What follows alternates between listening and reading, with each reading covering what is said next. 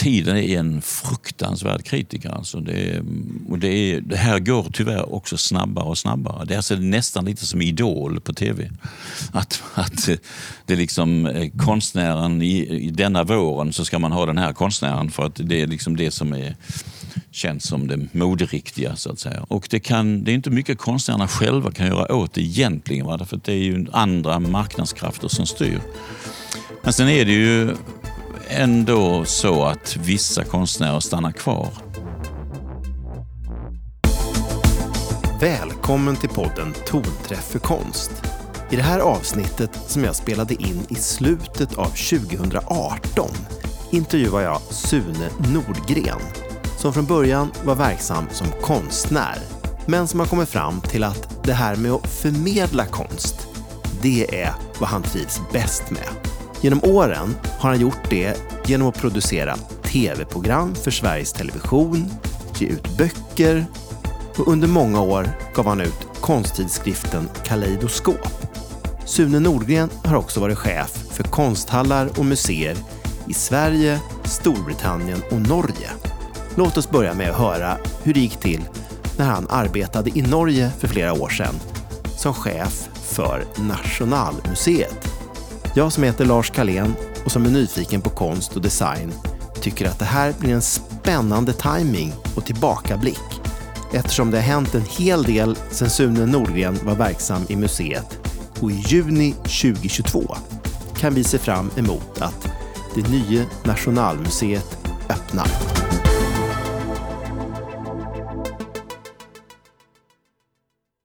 Jag var ju väldigt omskriven. Det, det, var liksom debattartiklar varje dag nästan om den där svenska tsunamin som de kallade mig. Att jag hade liksom sköljt ur de här stackars gamla museerna och förvirrat folk och förstört den norska konsthistorien och så vidare. Så jag var i, i princip en marodör eh, i, de, i de eh, konservativas ögon, alltså i museumsväktarna som de kallades för i deras ögon. Men hur kändes det då när du gick ut och handlade mat i snabbköpet? Jo, det var inget kul, men jag fick också många dunkar på ryggen faktiskt. Det var många som kom och sa att ja, men stå på dig och det här blir säkert bra. Och vi ökade ju faktiskt besökarantalet med över 50 procent. Alltså mellan 40 och 50 procent procent redan första året. Eh, så att, och vi gjorde en utställning som hette Alla snackar om museet. Som var ju en genial titel för det var precis det det handlade om. Alla snackade faktiskt om museet. Jag tyckte nog att det var, att det var kul också faktiskt. Och jag, när man mötte sådana som Peter Stordalen på stan och sånt så liksom dunkade han in i ryggen och sa att ja men stå på dig nu och se till så att det här... Men en bit in på, då på 2007 blir det väl då ja, så ringer Petter och säger att ja, nu när du inte har något jobb, för han visste ju inte att jag redan hade tre jobb, men eh, så kan du väl jobba för mig? Eh, jaha, vad ska vi, vad ska vi hitta på då? Ja, jag hade tänkt mig att man skulle försöka redefiniera begreppet hotellkonst. Jaha, det lät ju sådär liksom, jag visste inte mycket om hotell. Alltså jag är visserligen uppvuxen i restaurangbranschen men jag vet inte mycket om hotell. Men han sa, ja du vet väl, alla hotell i hela världen har ju konst. Ja, ja visst det är klart de har. Ja, och det mesta är skräp. Ja, det är det väl förmodligen så. Som någon inredningsarkitekt har hittat på. Eller så. Ja, men nu vill jag att, liksom att att vi ska, konsten ska vara liksom ett argument för att man ska bo på ett hotell. Det ska vara ett argument för att man vill åka tillbaka, att man vill komma tillbaka till hotellet. Man ska minnas hotellet med hjälp av konsten. Och då måste det vara riktigt jävla bra konst. Jo, jo, det förstod jag ju. Så att eh, därifrån så, så nu har jag jobbat för Peter i 12 år.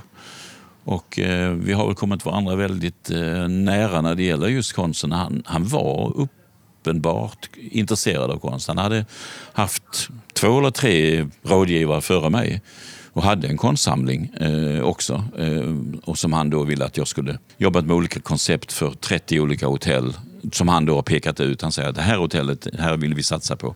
Här ska det vara bra design och så ska det vara bra konst. Och så ska folk minnas hotellet just av den anledningen. Så att säga. Så att det är ju ren, han är ju en skicklig affärsman. Han vet att detta är också ett eh, affärsargument. Lika väl som en ekologisk frukost eller en skön säng eller pool på taket eller något sånt som man har också som argument. Men du kom ju in lite på det här med, för det känns som att det finns ju en hel del eh, rådgivare kring vad människor ska köpa för konst. Om man då skulle vara någon som... Ja, väldigt mycket. Ja. Och vad, vad känner du inför tvärtom? Det är klart det finns olika, men, men kan du säga något generellt? Är det, är det ett bra fenomen eller är det ett dåligt i det stora hela?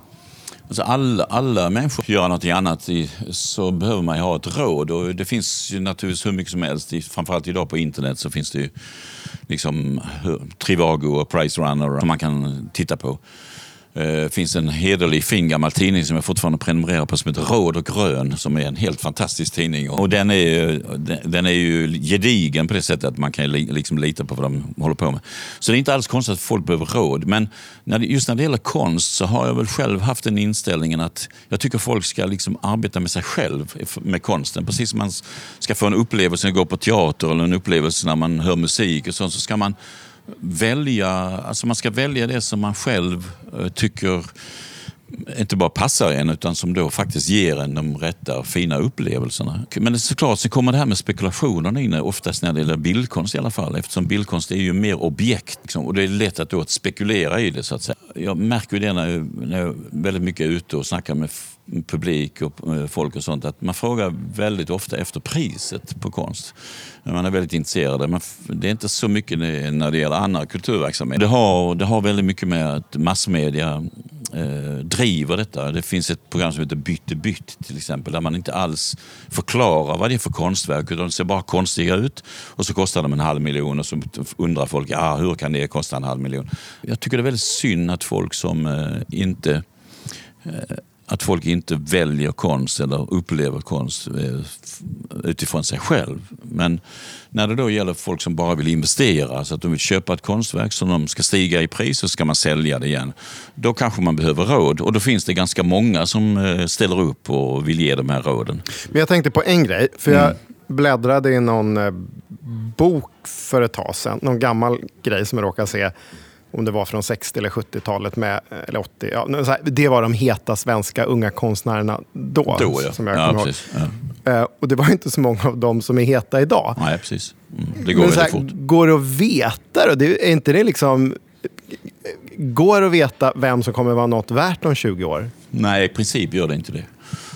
Det är faktiskt omöjligt. Och det är, det är väldigt, väldigt... Um, Alltså det är ett internationellt fenomen. Det finns en fransk konstnär som heter Christian Boltanski och han gjorde ett fantastiskt verk på eh, Venedigbiennalen. Jag kommer inte ihåg om det var 88 eller 98. Men i alla fall, han gick tillbaka till 1938 eh, och så tog han alla de konstnärerna som har representerat sitt land, kanske ett av de finaste uppdragen man kan få i internationella paviljongen i, Berlin, i eh, Venedig. Och 98 procent av dem var bortglömda. Och de har då representerat sitt land för inte så förfärligt länge sedan, alltså under 1900-talet. Så att det är alltså, tiden är en fruktansvärd kritiker. Alltså det, och det, är, det här går tyvärr också snabbare och snabbare. Det är alltså nästan lite som Idol på tv. Att, att det är liksom eh, konstnären i, i denna våren så ska man ha den här konstnären för att det är liksom det som är känns som det moderiktiga. så att säga. Och det, kan, det är inte mycket konstnärerna själva kan göra åt det egentligen. Va? För det är ju andra marknadskrafter som styr. Men sen är det ju ändå så att vissa konstnärer stannar kvar. De blir, de blir kvar så att säga. Kanske ibland i ett slags underskikt men de kommer upp till ytan igen. Ibland plockas de medvetet upp därför att det finns en ny generation curators och en ny generation museifolk som tycker att det här är faktiskt en konstnär som inte bör bli bortglömd och så lyfter man fram det igen och ibland funkar det eh, och ibland funkar det inte utan faller tillbaka i glömska. Alltså det, är, det är väldigt svårt att säga idag vilken konst som ska vara väsentlig för den stora allmänheten om 30 år. Men tror du att det finns några säkra kort? Alltså det finns ju idag några som är de eh, ja, mest eh, mm, uppmärksammade liksom, mm. Och jag har tänkt ibland på om det har till exempel med om det har med motiv eller om det har med, med skicklighet att göra. Till exempel att folk beundrar, de flesta människor beundrar faktiskt en skicklig konstnär, så att säga. En virtuos konstnär, som Lars Lerin till exempel. Att man är hantverksskicklig? Ja, hantverksskicklig, men också virtuell, alltså virtuos, alltså som en som en väldigt duktig musiker. Som Lars Lerin är en sån när det gäller akvarell så är han alltså en mästare verkligen. Va? Men hur, hur menar du då att han är nyskapande? Eller Nej, inte speciellt nyskapande. Han är bara att han är väldigt bara skicklig på att återge verkligheten. Okej. Och det brukar ju vara någonting som folk tycker är, är väldigt bra. Alltså att man kan återge verkligheten på ett spännande sätt och på ett skickligt sätt. och så. Men jag är inte säker. Eh, jag är väldigt osäker på om Lars Lerin finns om 30 år. Alltså i folks medvetande. Han kommer naturligtvis att finnas bland de som verkligen tycker om den här typen av konst. Det är ju det som är det lyckliga också. att väldigt många konstnärer stannar kvar hos sina hos de människor som verkligen... Jag tycker ju till exempel väldigt mycket om Magritte fortfarande, men det är inte väldigt ofta man ser utställningar med Magritte. Och han var ju väldigt stor under en viss tid och har lyfts fram kanske un, i alla fall två eller tre gånger efter sin död. Eh, så han, han dog ju redan i början av 60-talet. Och så har han lyfts fram och det kommer säkert tillbaka igen. Eh, därför att eh, den typen av surrealism som han företräder som är liksom lite den är ju tillgänglig och samtidigt är den förbryllande. Och det, det har alltid fascinerat folk. Så jag tror att han kommer tillbaka, han kommer att gå som vågor. Så han finns ju alltid där så att säga. Han kommer aldrig bli helt bortglömd. Men han, han är ju liksom inte han är ju inte eh, var mans mun. Alltså det är inte som Picasso till exempel. Det är ju nästan ett, eh, det är ett varumärke som Mercedes eller som Ikea eller något sånt. Alla människor känner till det så att säga som varumärke.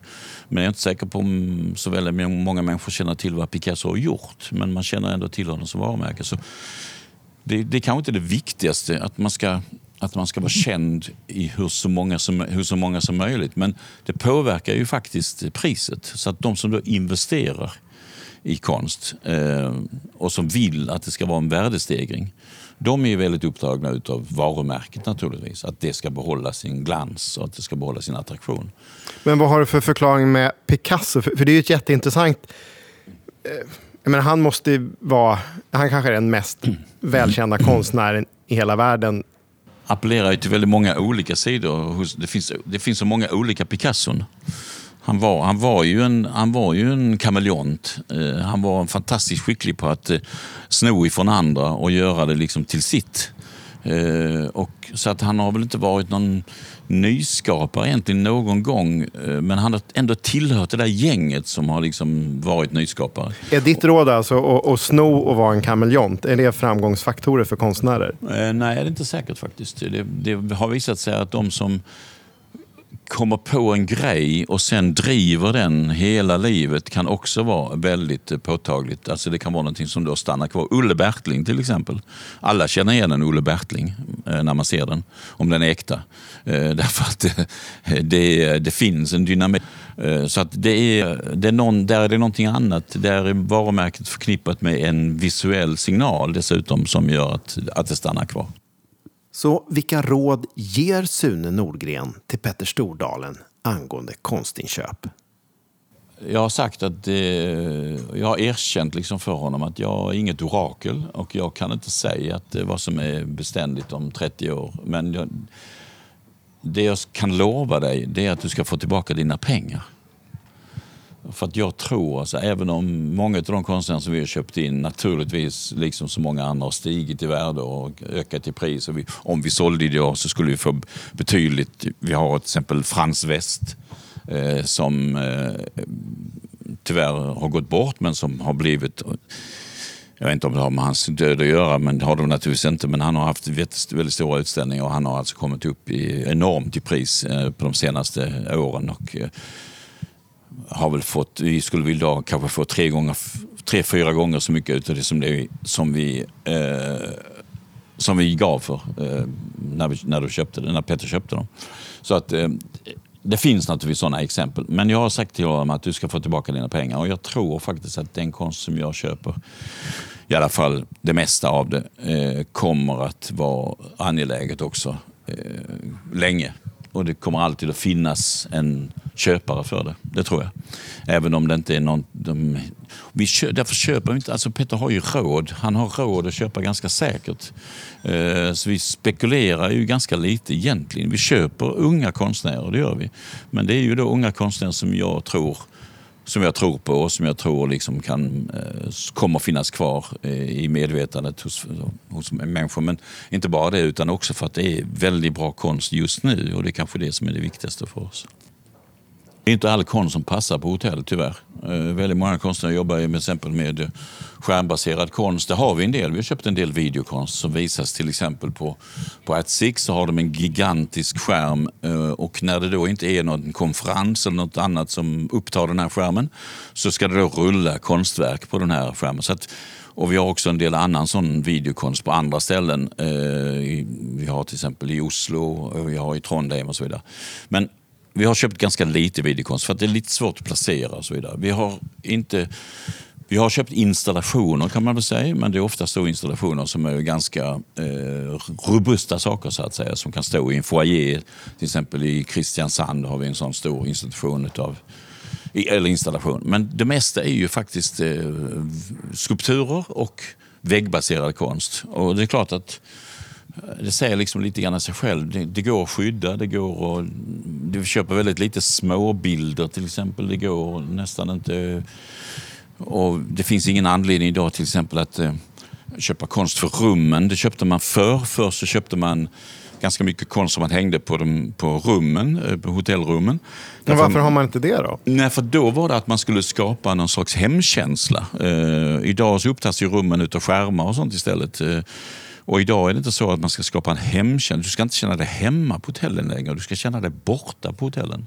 Man ska göra allt det som man inte gör hemma på hotellen idag. Eh, du ska liksom gå på spa och du ska liksom gå på restaurang. Och du ska, alltså det är väldigt mycket så att rummen är egentligen bara någon slags privat sfär som du drar dig tillbaka till när du inte är ute. Men de flesta hotell bygger på att man ska vara runt i hotellet. Du ska vara aktiv i hotellet. Du ska vara runt i olika... Så därför köper vi konst för de, vad ska man säga, de offentliga eh, allmänna utrymmena. Det är restaurangen, det är lobbyn, det är kanske vissa korridorer och, och så vidare.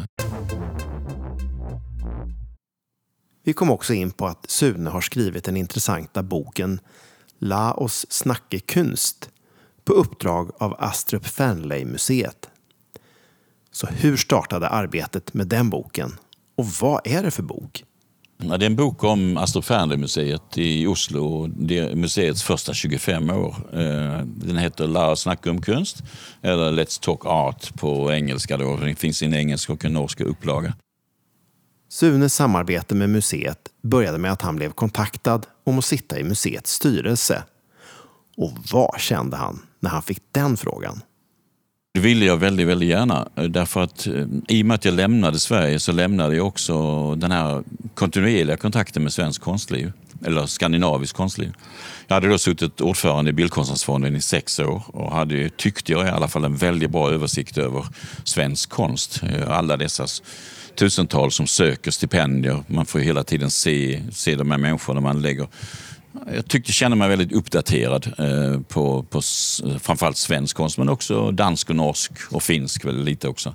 Isländsk. Men eh, för att jag alltid varit intresserad av det nordiska och där finns många beröringspunkter. Men när jag flyttade till England så kom jag bort från det här och då, när då Astrofärnemuseet ringde och frågade om jag ville sitta i styrelsen så tackade jag naturligtvis genast ja. Jag satt där i fem år. Eh, och eh, fick väl en... Alltså det var i en tid då Astrofanimuseet gjorde ett väldigt intressant, gjorde många intressanta val.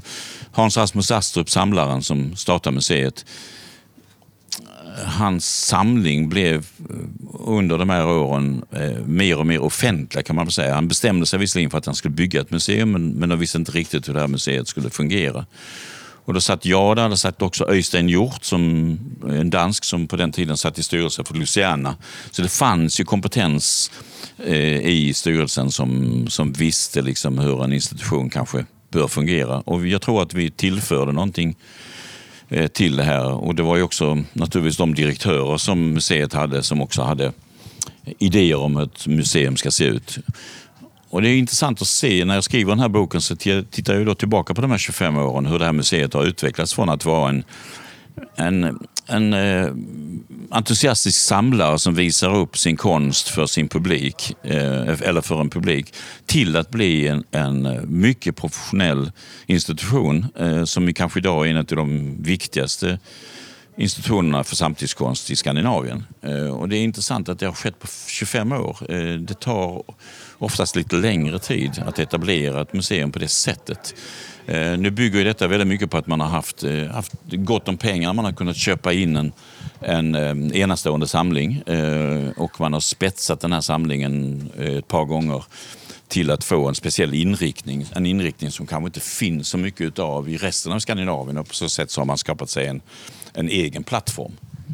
Och det är den med den amerikanska konsten, amerikanska samtidskonsten som de har skapat den här plattformen. Men sen har man därifrån svävat ut och, och köpt mycket liksom både kinesisk och indisk och ja, europeisk konst också naturligtvis. Men fortfarande så är den amerikanska konsten ett fundament. Och där är man unika. Det är väl kanske den viktigaste institutionen utanför USA när det gäller amerikansk eh, samtidskonst.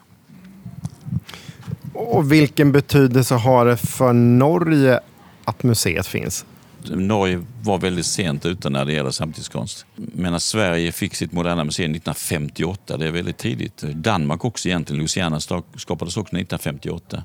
Medan ute i Europa, till exempel Stedlik är ju redan på 20-talet och Moderna Museet i New York är också 20-tal. Så att Eh, det fanns ju pionjärer före Moderna Museet och före Luciana men, men vi var väldigt tidigt ute. Eh, det, detta är ju alltså egentligen bara 10-12 år efter, efter andra världskrigets slut. Men Norge får alltså sitt första museet för samtidskonst 1990.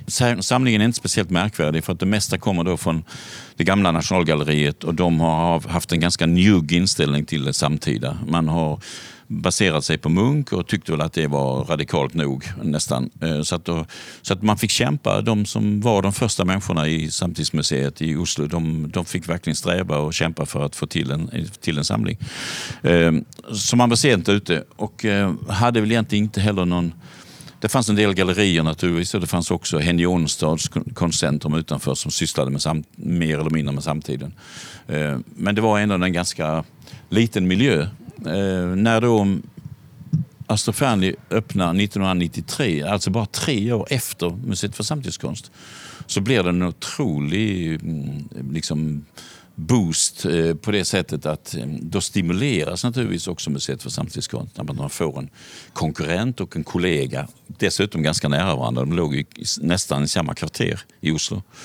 Och det här tror jag har haft e- enorm betydelse. Inte minst för att då bygga upp ett, ett, en publik eh, för samtidskonst i Oslo. Museet för samtidskonst har väl varit mer akademiskt så att säga. Museet Astor satsade mer på det spektakulära eh, kan man väl säga ifrån, ifrån början och gjorde då att man drog en yngre publik. Eh, och den här yngre publiken gick naturligtvis också över bara de några hundra meter över till Museet för samtidskonst. Så att jag tror att man stimulerade varandra väldigt mycket faktiskt, eh, båda två.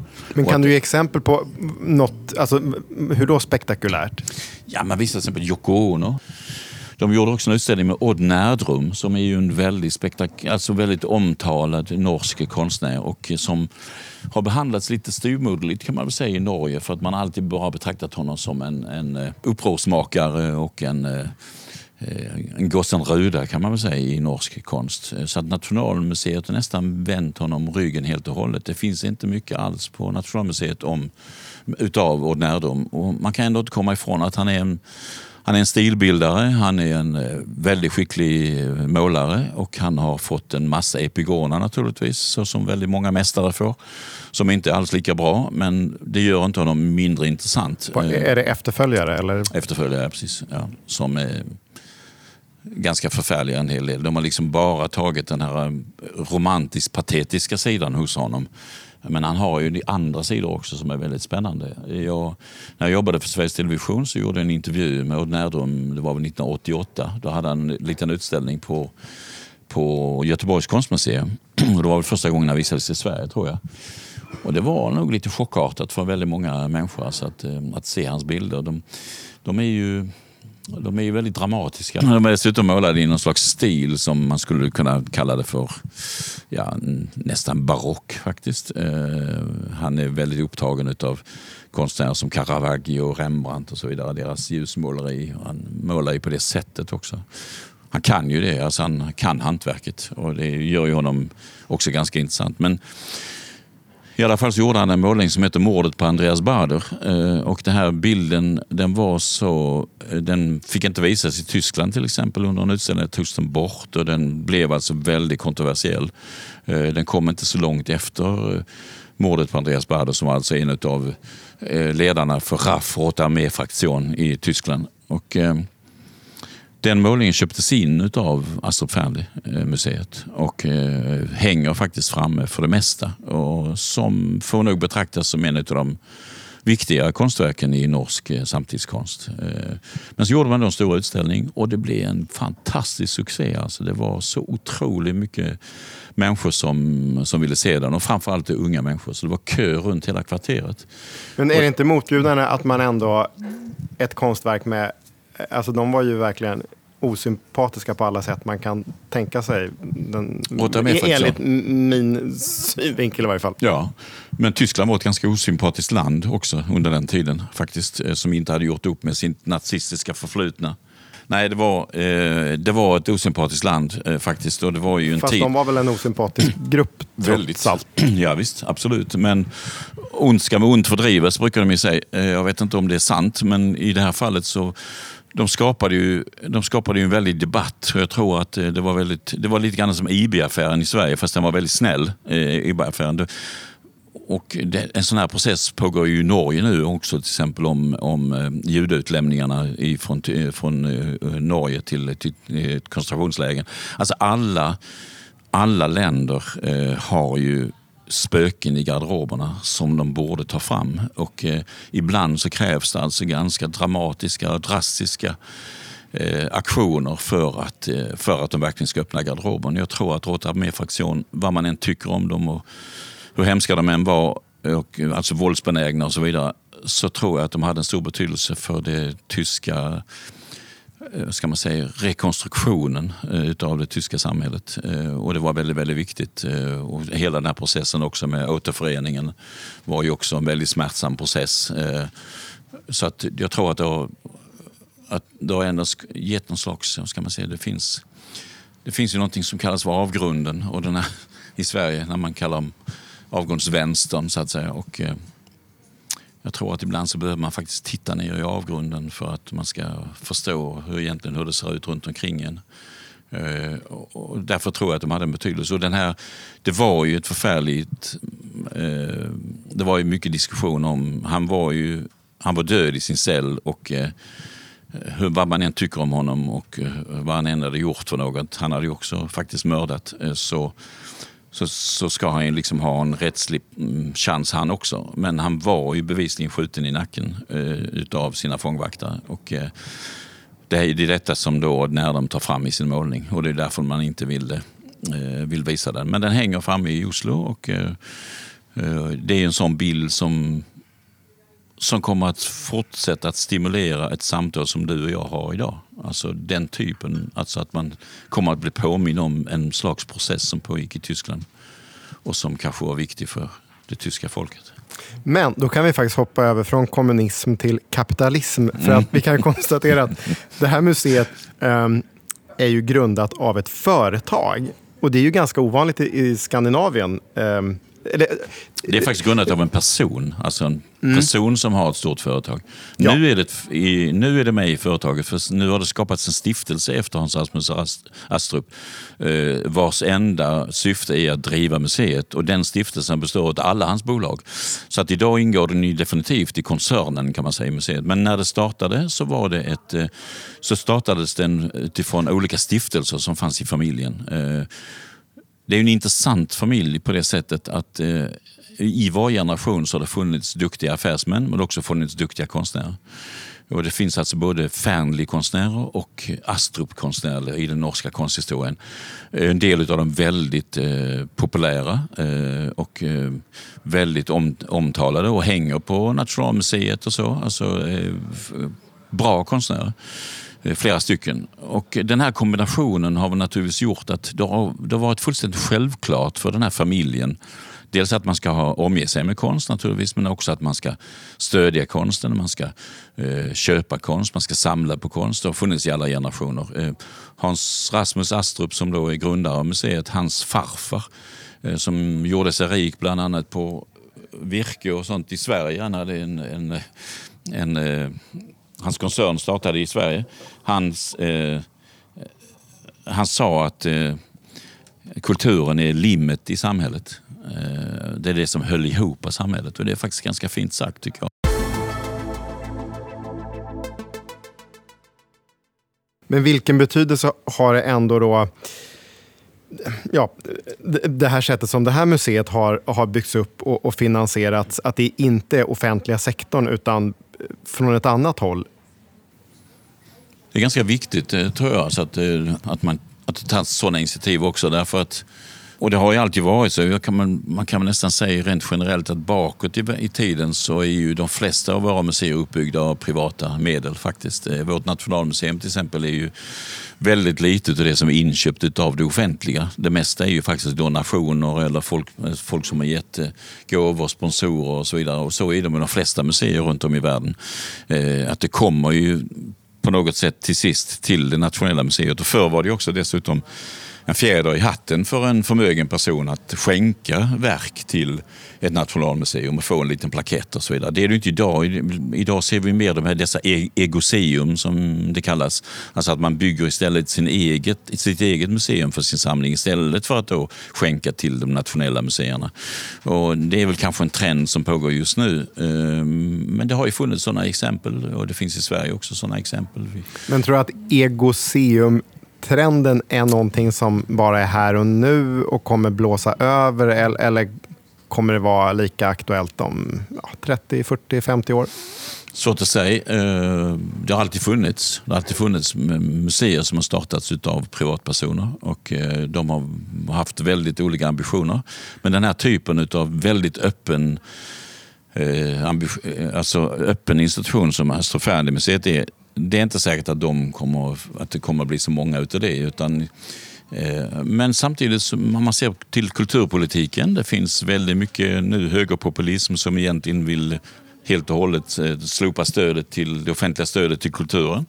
Eh, och då blir det ju så att då kommer de här museerna som finns kommer ju då naturligtvis att bli mer och mer beroende av att få in privata pengar. Och då kanske de privata tänker att då kan lika gärna bygga mitt eget museum. Så att eh, det är väldigt svårt att säga hur Men det ska det bli. bli Men det kommer alltid finnas museer som har en sån prestige. Alltså det är fortfarande faktiskt en, en, en prestige att skänka till Moderna Museet i Stockholm. Därför att Moderna Museet i Stockholm har den har den renommén och har den, eh, liksom det, eh, Ja, den har den funktionen faktiskt i samhället så att det är värt att skänka till dem fortfarande därför att då vet man att det blev, men man vill ju gärna att det ska bli visat. Men det ska inte bara läggas ner i en källare naturligtvis. Men det här, för vad jag fattade på dig, så du tyckte att de har ju lyckats med någonting väldigt snabbt på 25 ja. år. Ja, precis.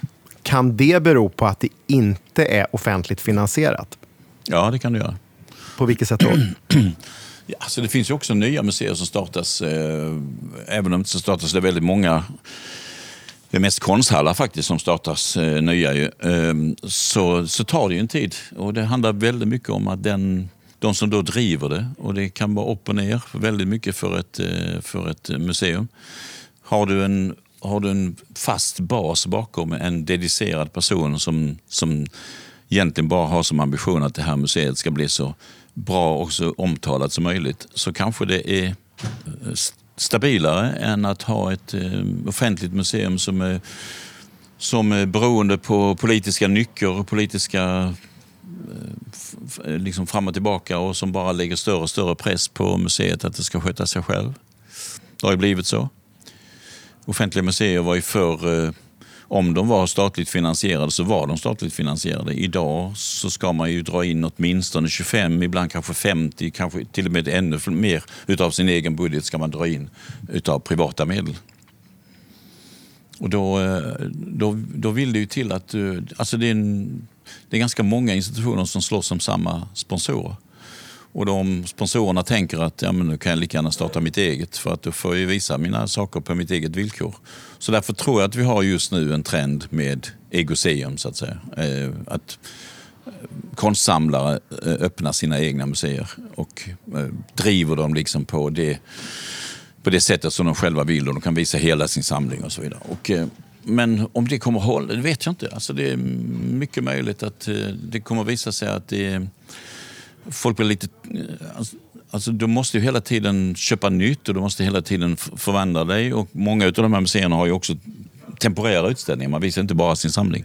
Utan de som då har temporära utställningar kan ju faktiskt eh, eh fungera så att man hela tiden har, drar en ny publik. Eh, därför att man gör också man utgår från sin egen samling men man gör temporära utställningar också. Och det är ju naturligtvis en viktig är, viktig, det är liksom som kommunicerande kärl de här två, samling och eh, temporära utställningar. Att de hela tiden ska...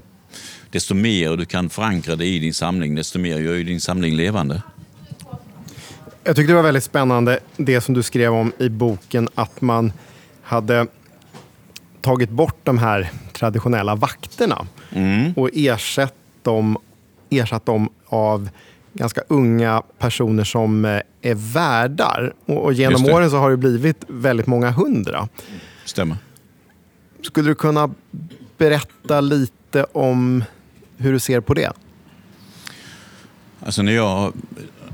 Jag har ju alltid varit för det här. Alltså mitt första jobb på Malmö konstnär så hade vi den här typen av värdar. Och det var, inte bara, det var en ganska liten institution så att de människorna som då vaktade och guidade Eh, under utställningarna, de var ju också faktiskt tekniker under uppbyggnadsperioden. Så att det var ju en total sån liksom eh, användning utav en total flexibilitet i personalen. Vi var inte mer än 17-18 stycken.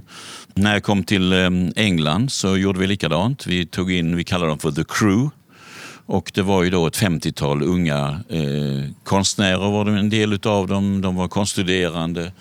Det var folk som jobbade med design och lite allt möjligt. Men förhållandevis eh, framförallt unga människor. Eh, men det var, eh, därför att det var inte så våldsamt bra betalt kanske. Men de fick då en snabb kurs i säkerhet och i vakthållning och lite andra sådana saker när det gäller brand och utrymning och så vidare.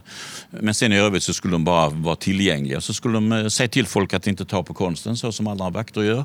Och så skulle de, men finnas där så att säga. I Malmö konstnär till exempel tryckte vi en, en svart sån här jeanströja eller jeansjacka där det stod en hel del frågor svaren på frågorna. Malmö konstnär byggdes 1975, Claes Hansen hette arkitekten och så vidare. Det stod alltså sådana basfrågor redan formulerade på ryggen på dem. Det, har de tänkt så med den här? Eh, jobbar han på museet, killen, som är på framsidan av boken? Ja, men detta är nu Astrup Fearnley-museet 25 år senare. Ja, fast jag tyckte det var roligt, för det är ju en jacka ja. också. Det står Let's Talk Art på hans rygg. Ja. Och det är väl en inbjudan då att de människor som går men, på... Men han är en vakt? Han är en vakt, ja. Eller, eller en sån här värd? Nej, det är en värd, men han är vakt.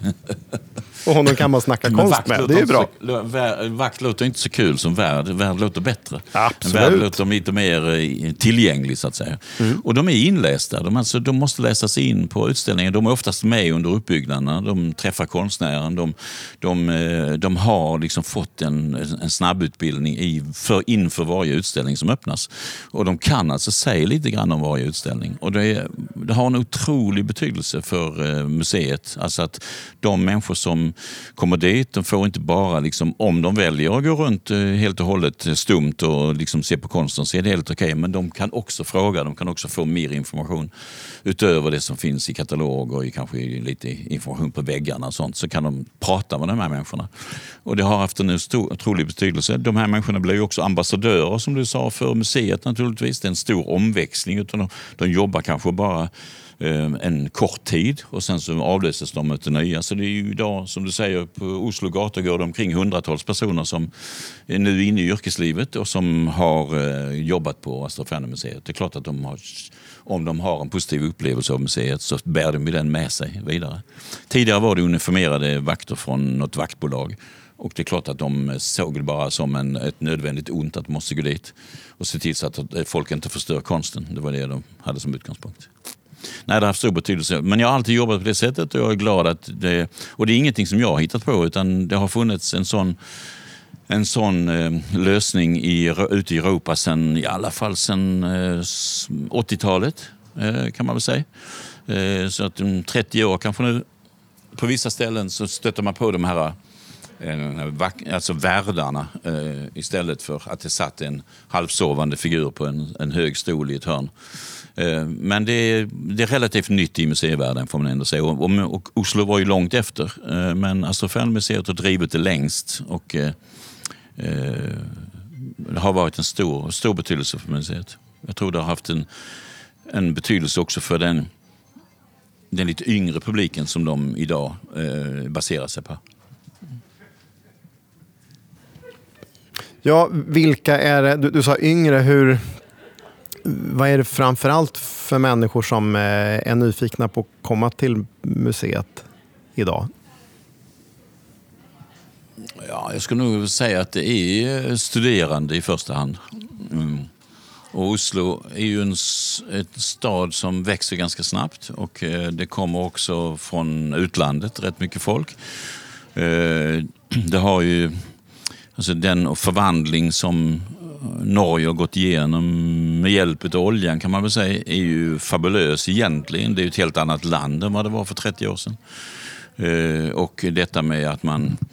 Eh, det har alltid funnits rika människor men jag tror inte man har varit så liksom, utåtriktad, att man verkligen vill visa upp sig på samma sätt som man gör idag. Idag finns det ju, i alla fall i Osloområdet, kanske fyra, fem stycken privata museer där eh, konstsamlare bygger upp eh, museer med, sina, med sin egen samling.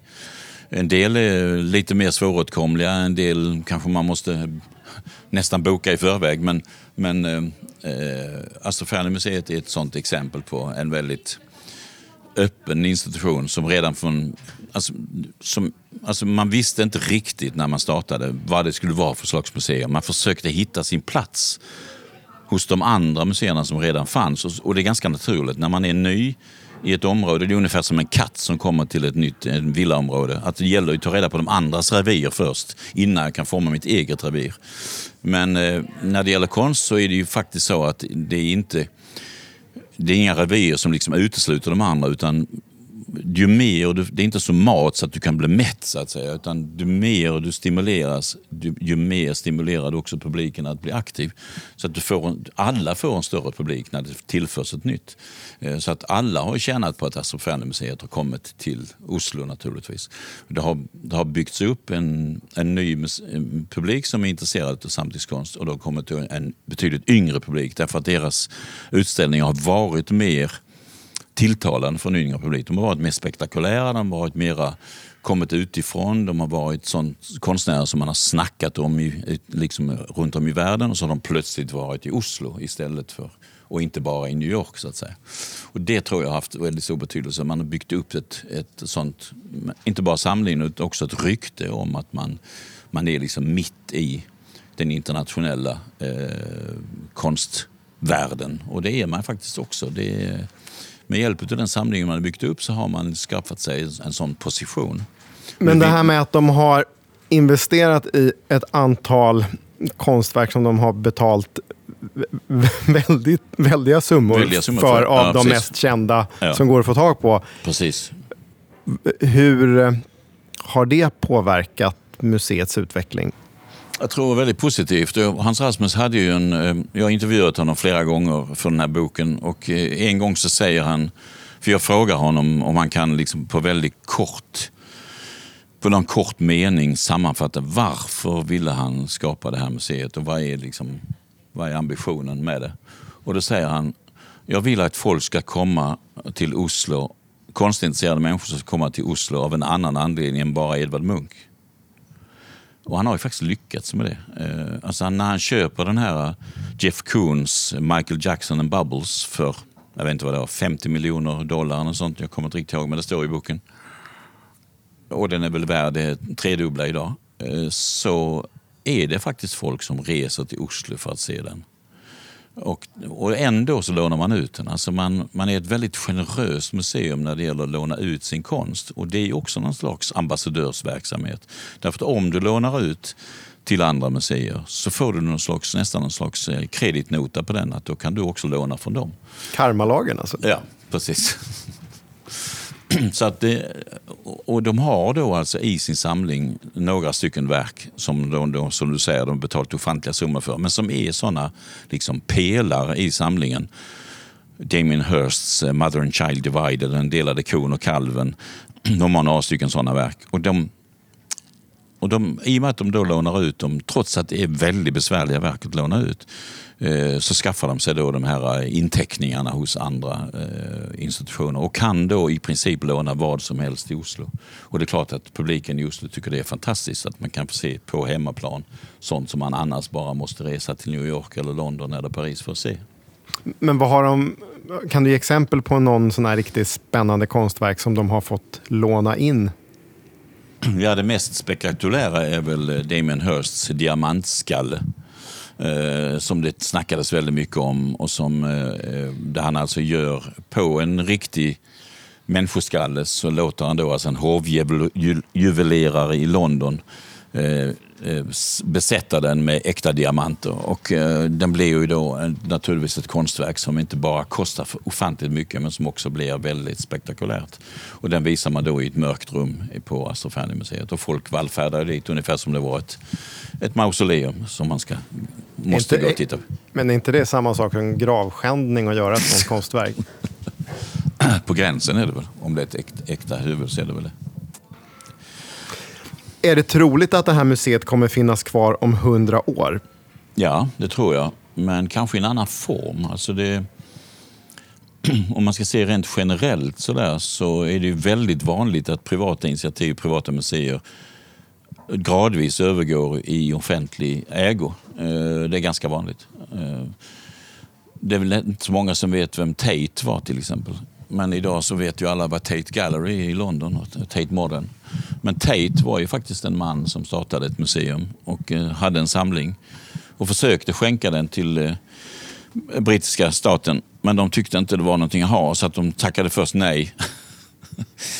Eh, därför att det var ju och bara, sån, fel. det var ju bara såna modernistiska prerafaeliter och sånt. Det var ju bara, det var ju bara kludd, målarkludd tyckte man då på den tiden.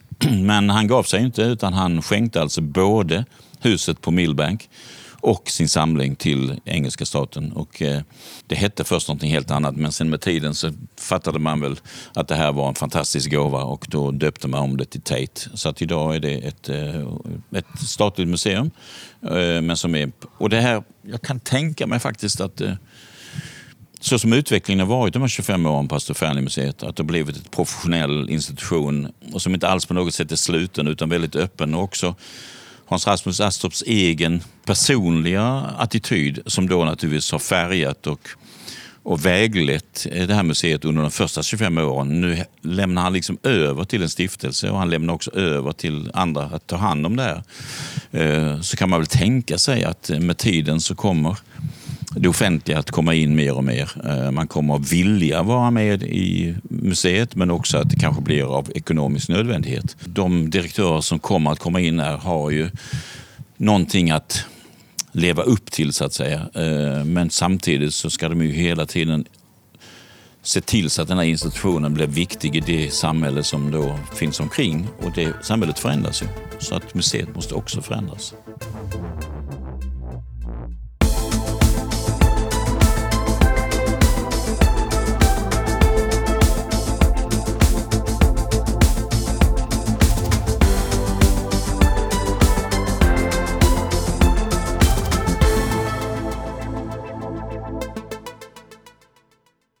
Tonträffekonst är producerad av produktionsbolaget Tonträff.